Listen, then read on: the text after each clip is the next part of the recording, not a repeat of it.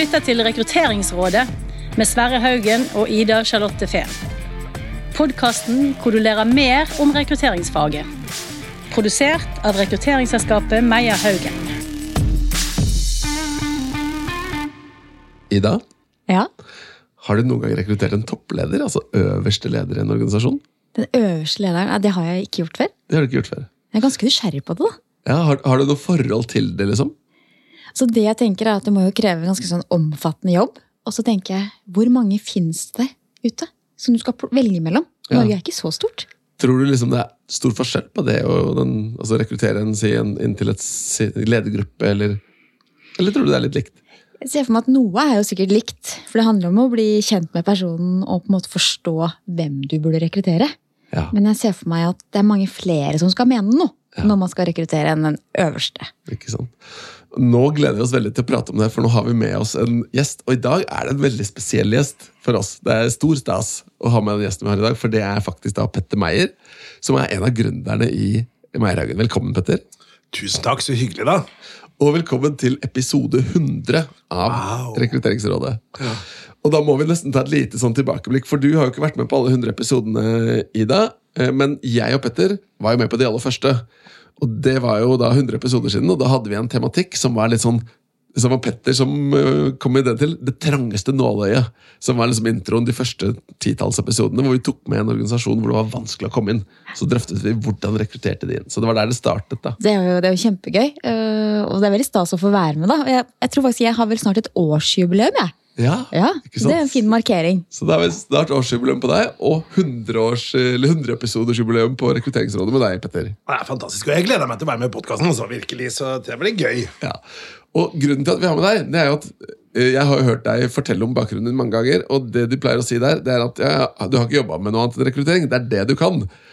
Og blant annet så er du da det vi kaller SME, altså Subject Matter Expert på Executive Search, altså topplederrekruttering i Meierhaugen. Stemmer ikke det? Ja, det stemmer. Så øh, de aller fleste av de topplederrekrutteringene, det vi kaller C-level, eller altså den øverste lederen i organisasjonen, så har jeg en liten finger med i spillet. da. Fordi at jeg syns det er veldig gøy, og så har jeg jobba mye med det i mange år, da, som du sier. Så Altså du, Hvis jeg hadde stilt deg samme spørsmål som til Ida, da, har du noen gang rekruttert øverste leder til en organisasjon? Ja, eh, det har jeg gjort mange ganger. Og, og det, er, det er jo spennende. Eh, og det er litt forskjell fra vanlig rekruttering, det må jeg si. Ja. Og det er jo litt av målet nå, å belyse liksom, hva er egentlig forskjellen da, for de som skulle lure. Uh, Men før vi liksom går inn i faget og ser på forskjellene, så har jeg lyst til å spørre deg, for det er jo sånn, Petter, at hvis du ser på markedet, og det har jo sikkert du også sett i det, og ser på rekrutteringsselskapene, så er det liksom alle rekrutteringsselskapene har jo lyst til å rekruttere ledere på toppnivå. Hvorfor er det sånn?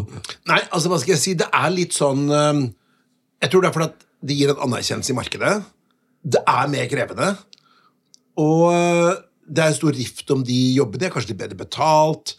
Men så er det det er krevende på et vis, og så er det lettere på et annet vis. Ja. Så det er nok en sånn derre For eksempel eh, de feteste jobbene i hvert fall innen rekrutteringsbransjen er kanskje å finne en, en administrerende direktør i et børsnotert selskap, eh, sentralbanksjef, det kan være sjef i Equinor, eh, Telenor De er liksom det the holy grail of recruitment. da. For, Ja. at, for at det er mange som kan gjøre eller ikke mange da, men det er flere som kan gjøre den jobben. Men det er et sånt stamp of approval hvis du får den tilliten fra en kunde. Ja.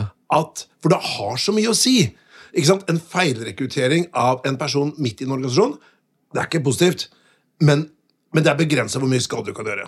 Men hvis du får en feil leder for Equinor, feil leder for Telenor, feil sentralbanksjef, feil sjef i et departement da kan du dumme deg ordentlig ut. Konsekvensen er så mye større. Og Det er derfor dette er en litt sånn, Det er jo innenfor familierekruttering, men det er en egen idrettsgren, kan du si da. Oh, nå, nå, nå kom jeg på en metafor, Petter. Jeg vet jo at du er også glad i fotball. Sverre er ikke så fan av det. Men hvis du tenker, hvis du skulle sett om det er en eh, type finale i fotball, da. Hvis du skulle klassifisert på om det er VM eller EM, eller om man skal nedover i La Ligas eller i England. Hvilket nivå tenker du vi ligger på? På topplederrekruttering? Topplederrekruttering generelt, eller Ja. Meierhaugen, tenker du på? Det topplederrekruttering? Ja, det, det er jo, det er jo, da, da spiller du i Champions League, da. Ja. Men sant, det er forskjell på topplederrekruttering òg. Du kan få en, en toppleder til et lite selskap. Uh, lite gründerselskap. Det er vanskelig, jeg sier ikke at jeg tar ikke lett på det, men, men det, er liksom, det er de børsnoterte selskapene. det er de selskapene, altså for å si det sånn da, Kommer den ansettelsen i avisa, i DN, E24, Finansavisen, det er det det handler om. ikke sant? Mm. Ikke at det i seg selv er viktig, men det er et tegn på hvor mange som bryr seg, da, både internt i bedriften og eksternt. da. Men det, det er litt morsomt, for du, sier, du beskrev det som liksom, det å finne en av disse toppstillingene, sånn som sentralbanksjefen, sier du. Det er liksom the holy grail. Uh, jeg husker min første jobb i et hodejegerselskap. Da ble jeg rekruttert av en sånn der tung hodejeger, Bjørn Godsveen, og han hadde da, sa de, rekruttert sentralbanksjefen. Og det var liksom sånn det var, det var del av ryktet hans. da. Så jeg pleier å si det når jeg forteller min historie. Da ble jeg intervjuet av en rekrutterer som hadde rekruttert sentralbanksjefen. Ja, ja, ja, Nei, men Det er noen sånn, sånn ganske sånn signalgreier. Men jeg tror sånn øverst i Norge er kanskje altså, La oss se på OBX-lista. da. Du bare ser på børsnoterte selskap i Norge. Equinor, desidert mest verdifulle selskap i Norden. ikke sant? Finne toppleder der, styreleder, økonomidirektør. Altså Finner du da den type folk, så er det liksom det er veldig anerkjennende i vårt yrke, da. Ja. Men med den type jobber, da, det må, det må være lett å få tak i kandidater som er interessert? Ja, det, det, er det. Og det er et godt poeng. Det er jo det som gjør det? Hvis du setter ut annonse da, i, i uh, avisa eller sosiale medier at du skal finne en toppleder, og det er annerledes enn for kanskje fra spesialistrekruttering, hvor du kanskje ikke får så mange kvalifiserte søkere, så vil du få mange søkere på topplederrekruttering. Problemet kan være at de aller beste de søker jo ikke. Så du må finne dem allikevel. Ja. Altså det er liksom De som er kvalifiserte for og da tenker jeg ikke offentlig, for der må du søke deg. Du hadde jo sentralbanksjef, der var det både Jens Stoltenberg og Ida Wolden Bakke som søkte. Begge veldig mm. kvalifiserte kandidater. De søkte jo ikke, for det er offentlig søkeliste, du må gjøre det. Men det er jo ingen som tror at de beste ville søke på Equinor, Telenor, Yara, Hydro, eh, Aker Altså, de vil jo bli spurt. Ikke sant? Ok, men Det er interessant. Ja, for det er kjempespennende. for Ville de tatt risikoen ved å søke dersom de ikke skulle blitt kalt inn på intervju? Ja, ikke sant? for det, Dette er jo personer som jobber La oss si at dette, Du finner jo ikke disse på gata. De sitter jo da i toppjobber andre steder ofte børsnoterte selskaper. Så hvis du da for eksempel, flagger, La oss si at du er sjef i et stort børsnotert uh, selskap, da, og du flagger at du har lyst på en annen jobb. For det første er du jo ferdig i den jobben. Uh, for da er jo ikke motivasjonen din der. Det har så stor betydning. Og hvis du da skulle søke på en jobb og ikke få den, og så må du tilbake jo, nei, du er like kjekk og grei at du skal tilbake til den jobben, så vil nok uh, det være sånn career eh, determination move. da. Derfor er det ekstremt mye mer hemmelighold. Og det er også børsnotert, eh, eller børssensitiv informasjon. da. Eh, eksempel at hvis man finner ut at, at Equinor skal bytte toppleder, eller Telenor, så kan man jo si at det, det kan jo være at de går av med pensjon, det kan være at de er syke, det kan være at det er det kan være dramatisk nok for den personen, men for selskapet bør det ikke nødvendigvis være dramatisk. da. Men det kan også være at Ofte så ser vi da at når vi jobber med topplederrekruttering, så korrelerer det ganske mye med strategivalg. Så når du står da mellom to ledere da, vi hadde jo øh, jeg må være tiskere, men vi hadde på et stort konsern her og ikke altfor lenge siden. Stod med to kandidater. Begge kunne definitivt gjort jobben. Begge var kvalifiserte. Begge var veldig, veldig bra. Men til syvende og sist så var det at den ene var litt mer endringsvillig på kort sikt, da. Mens den andre ville kanskje jobbe med endringer litt mer over langen. Og styret her ville ha en kjappere endringstakt.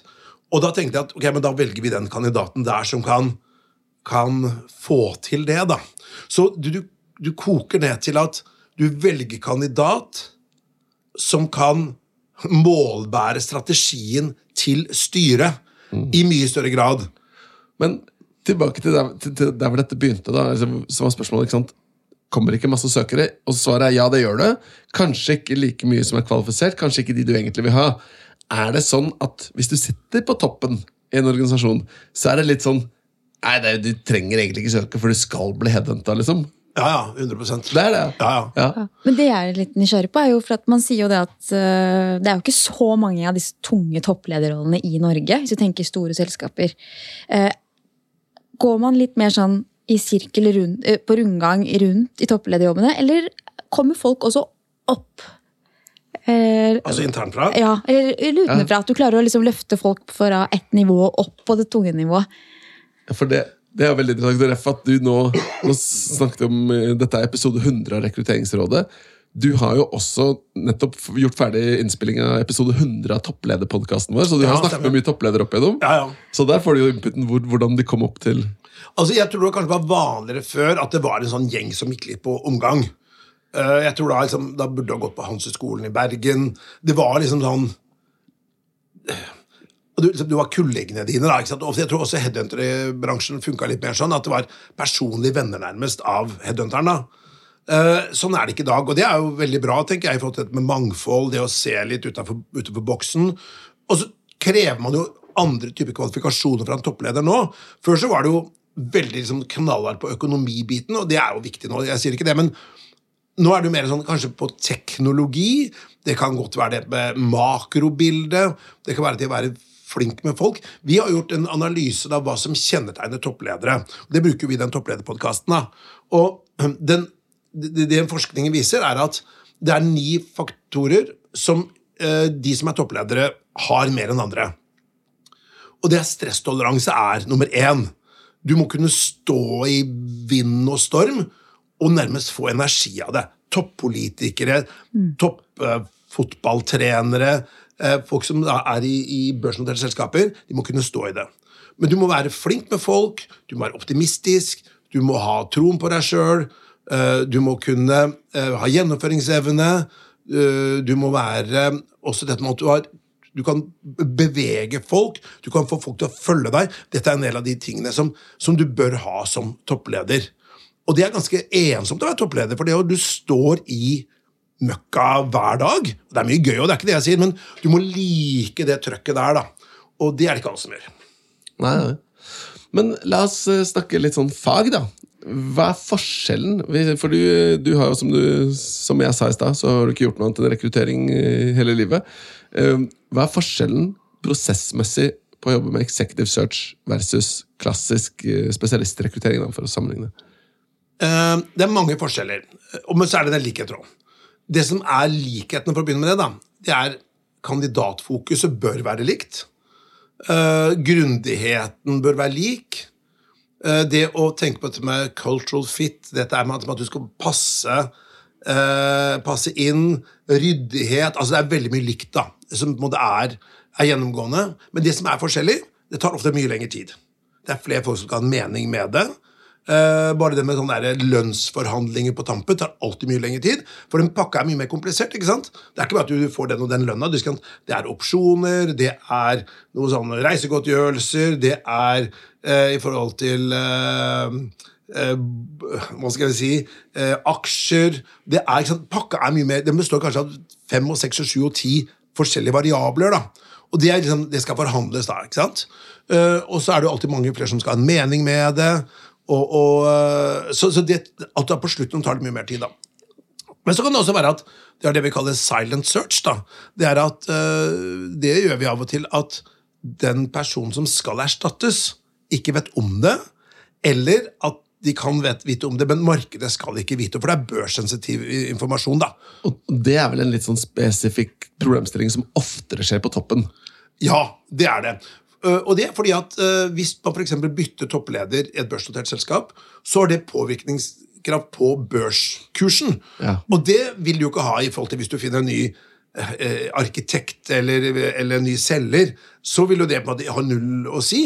Uh, mens hvis du finner en ny toppleder for et børsnotert selskap, så har det betydning. Men det, det er jo noe spør jeg om ting som du kanskje ikke vet. hvis, la oss si at et børsnotert selskap sier nå har eh, topplederen vår sagt opp noe, derfor annonserer vi noe ut på egen hånd, og vi skal nå ut og finne noen. Treffer det børskursen, liksom? Pleier man å se det? Ja, og det kan jo både gå opp og ned. Ja, ja. Ikke sant? Da, Ikke sant? jo, jo, for hvis det har vært en veldig, altså det er en veldig lite anerkjent uh, leder, da, Ja. og nå skal vi bytte, så vil det kanskje trekke kursen opp. Ja. Mens, men som regel er usikkerhet altså Business er ikke noe glad i usikkerhet. Og som regel vil være negativt. For man vet hva man har, Ja. og de er priset inn.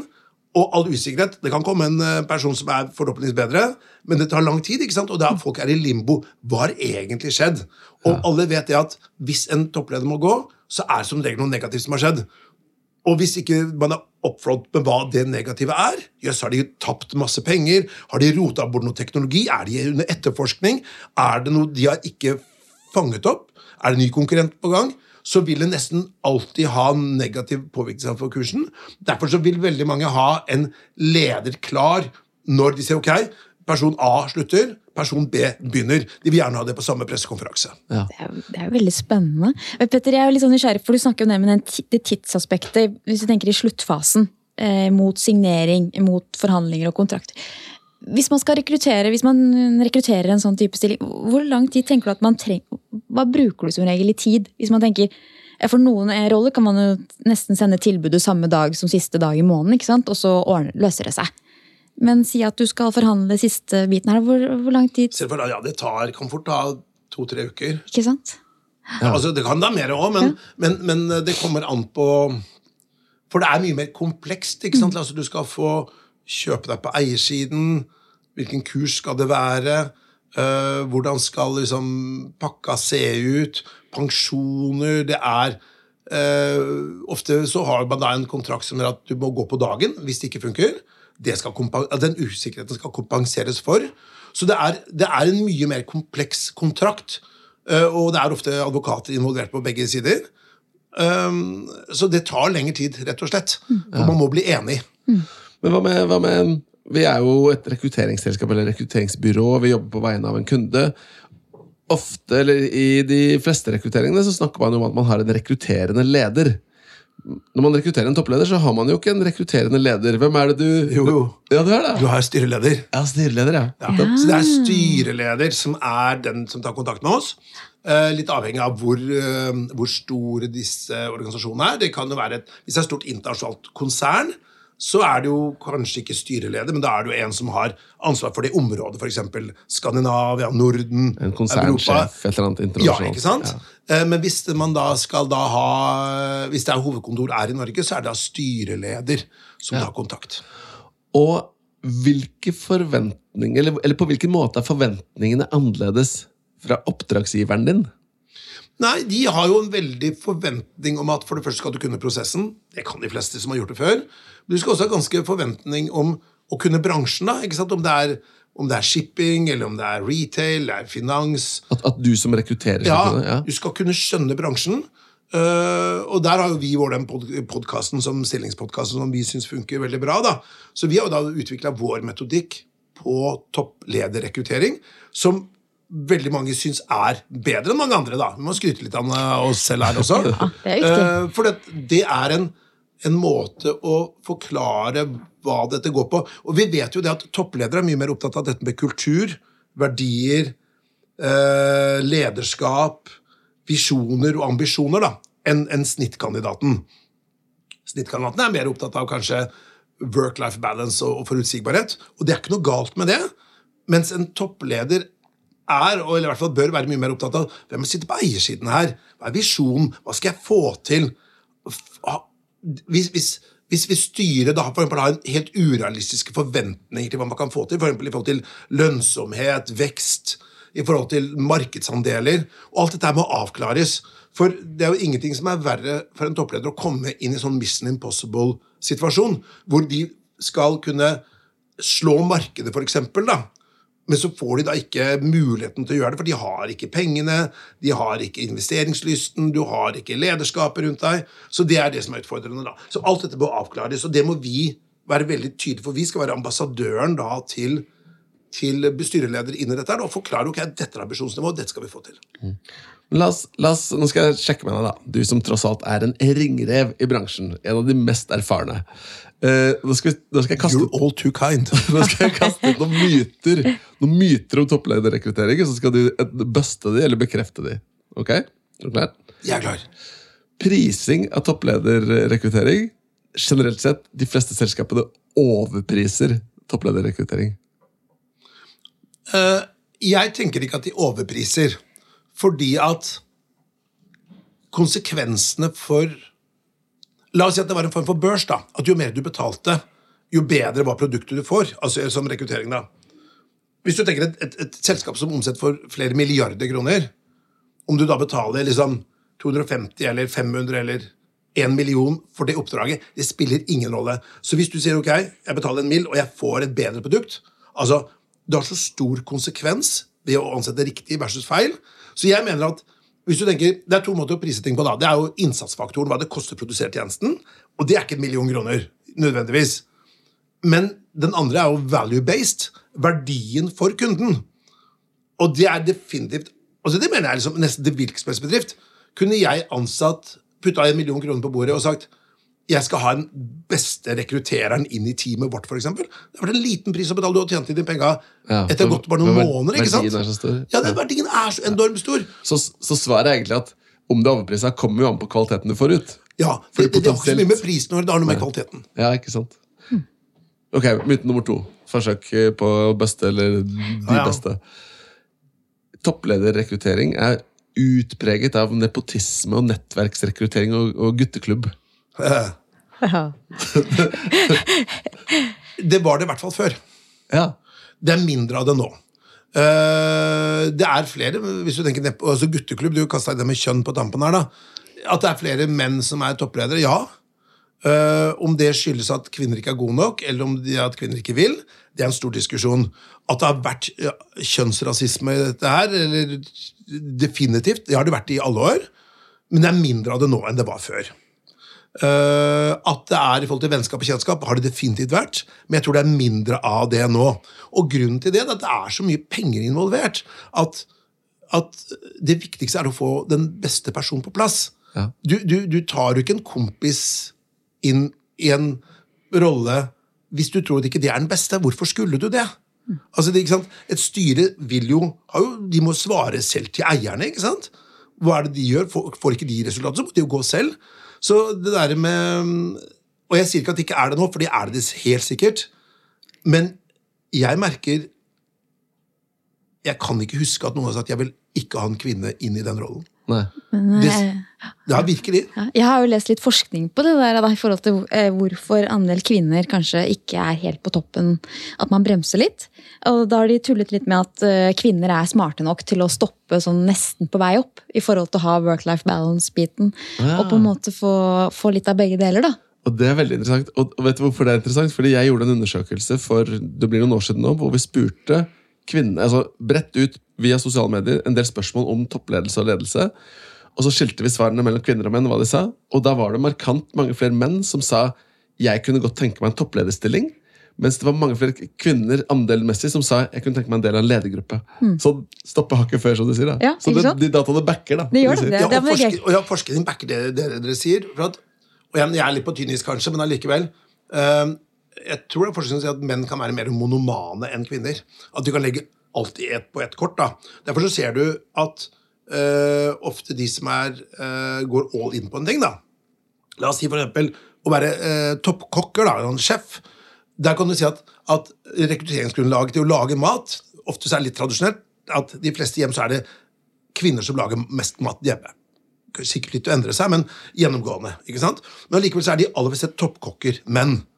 Så det, det, det syns man kanskje er litt rart. Men det man ser ofte, er at menn i større grad satser alt på ett kort. Og funker det, så uh, går det til topps, da. Men da, eller For å bli toppleder da, eller toppkokk, så må du ofre alt. ikke sant? Du må ofre familien, du må ofre helsa di, du må ofre alt av fritid, du må ofre venner. Du, du gjør bare det da, for å bli best. Og det kan virke for mange menn som en liten pris å betale, for de syns kanskje det å være på toppen i et hierarki er mer attraktivt enn kvinner. Mens jeg har jo mer sans for en jeg sier ikke kvinner, men det er så forskjellig. ikke sant? Men det der å være toppleder Jeg kan ikke skjønne hvorfor det er så attraktivt. For nettopp du ofrer alle disse tingene. Men du vil gjerne være en ledergruppe og være med å bestemme. Men husk på at det, ko- det er, kommer med en kjempepris. Be careful what you ask for, you might get it. Ja. Men et spørsmål til, og jeg vet ikke om det er en myte, og så videre, men, men jeg er litt nysgjerrig på hva du kommer til å si nå, Petter. For nå har du da intervjuet 100 toppledere, og jeg tror omtrent i alle uh, podkastene med toppledere, så har du spurt dette spørsmålet. Hvis du er god på ledelse, så har det ikke noe å si hva du leder. Du kan lede alt. Hva, hva mener du? For nå har du spurt 100 toppledere, men hva mener du? Kan du lede alt som toppleder, eller er det bransjespesifikt? Altså, Jeg mener definitivt ikke man kan lede alt. Eh, Det trodde man kanskje før. altså Kenning-tradisjonen og Akerskolen mente jo kanskje det. Men jeg tror at det er en myte. Jeg tror du må, eh, Det har blitt såpass avansert å være toppleder i dag at det å eh, tro at du skal kunne lede både Nav eller en privat bank eller et tech-foretak eller et rekrutteringsselskap Nei, du må, du, må, du må kunne noe om jobben, ellers så får du ikke respekt blant dine medarbeidere, og du blir en barkebåt for vær og vind. Ja. Jeg har en ting til jeg er litt nysgjerrig på. da. Eh, For vi spør Ja, jo og så ofte etterpå så må vi gå på de Ja, etterpå må vi, vi må ha en ting til om, om Petter. For at, eh, vi spør jo ofte kunder om hva er knockout-kriterier til en kandidat. Men hvis vi vrir litt om på den, hva tenker du at det er eh, litt dine knockout-kriterier, Petter, for å ha klart å, å bygge opp denne kompetansen og jobbe med disse spennende rollene? Oh, ja, Mener du for å bli Ja, en rekrutterer for, å være, for å være Petter, og på en Ah, måte ja. rekruttere på toppledernivå. Ja, det er gøy. Hva må du kunne? Ja, Ja, eh, du, Godt spørsmål. Det har jeg ikke tenkt på før. Men ok, for å bli en, en rekrutterer som da jobber med topplederrekruttering sann som deg. ja, ok. Eh, Jeg tror du må ha, være veldig glad i folk. Det er samme på vanlig rekruttering. da. Ja da, det er riktig. Og så må, må du skjønne business. Ja. Du må skjønne altså strømningene i topplederrekruttering. Hva er det som tenner disse topplederne, da? Hva er det som skal til for å, å, å liksom friste de i, i dette?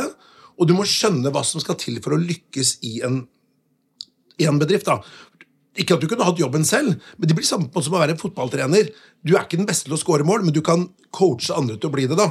Så eh, du må vite hva som bedriften trenger, og hvordan den fungerer, hva som er strømningen der.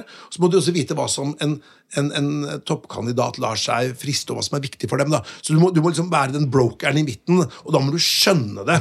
Så forstå business fra et litt sånn ledelses- og strategisk perspektiv. Lederskap, Ja. økonomi, organisering eh, Hvordan næringslivet i Norge funker. Og forstå psykologien til de som er topplederkandidater. Helt riktig. Så, og Derfor så tror jeg at hvis du er veldig ung, da, så tror jeg det er mye vanskeligere å gjøre det. For man har bare ikke den erfaringen. Altså at Hvis du ikke har noe ledererfaring selv, eller hvis du ikke har omgås med noen toppledere, eller hvis du ikke, hvis du liksom ikke har jobbet i et hierarki på innsiden, så tror jeg det er vanskelig, for du bare skjønner det ikke. Du kan lese det, men du må liksom ha følt det litt på kroppen. da. Det er veldig veldig interessant. Veldig spennende. Eh, Men, men Petter, vi har jo noen sånne klassiske spørsmål som vi må ta når vi eh, spiller inn disse podkastene våre. Og det er første Nå er jeg veldig spent, da. Første spørsmål til deg da er jo hva er din eh, verste eller rareste rekrutteringsopplevelse? Det kan enten ha vært som kandidat eller som rekrutterer. Altså, det er mange, mange historier.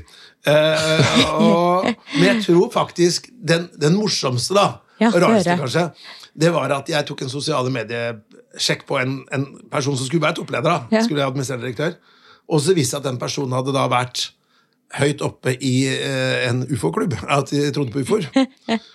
Og så sa jeg liksom det til styreleder, at du eh, Den personen var helt topp, alle vis. eh, At eh, jeg vil bare nevne da, at den personen her eh, tror på ufoer, og har, hevder å ha sett ufoer. da. Eh, Jeg tror kandidaten er bra, men jeg vil bare at du skal vite det. Og da trodde jeg at den kandidaten kom til å ryke. Så sier styreleder ah, det gjør ikke noe, for jeg tror på ufoer, jeg også. Ufoene kommer. Ja.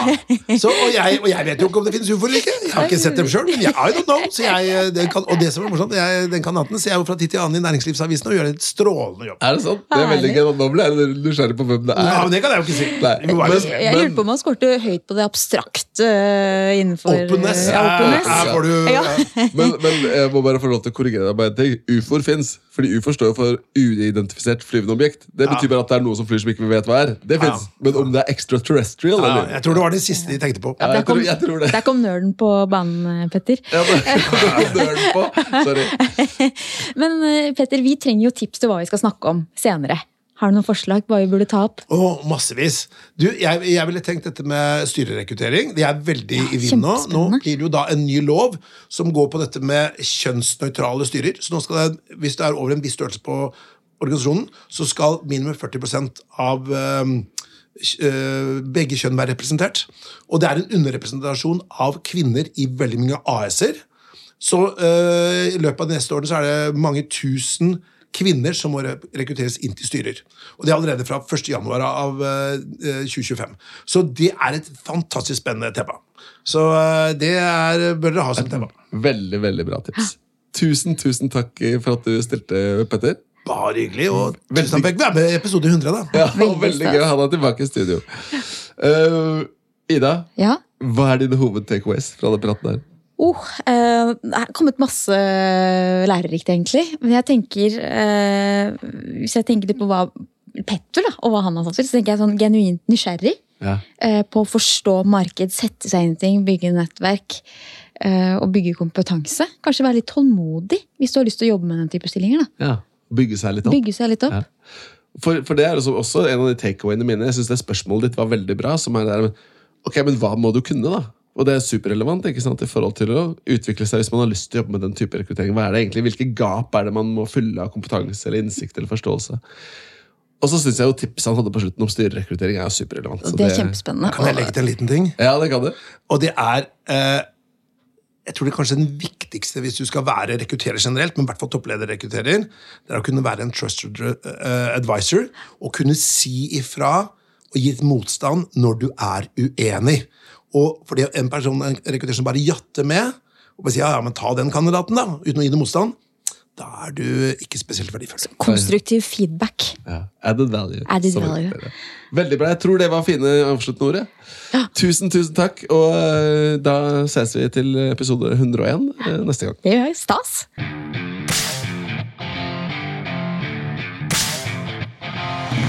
Du har lyttet til Rekrutteringsrådet av Meyer Haugen. Vi produserer også Topplederpodkasten og Stillingspodkaster. Har du forslag til gjester eller tema vi bør snakke om, gå inn på vår Facebook-side Meyer Haugen.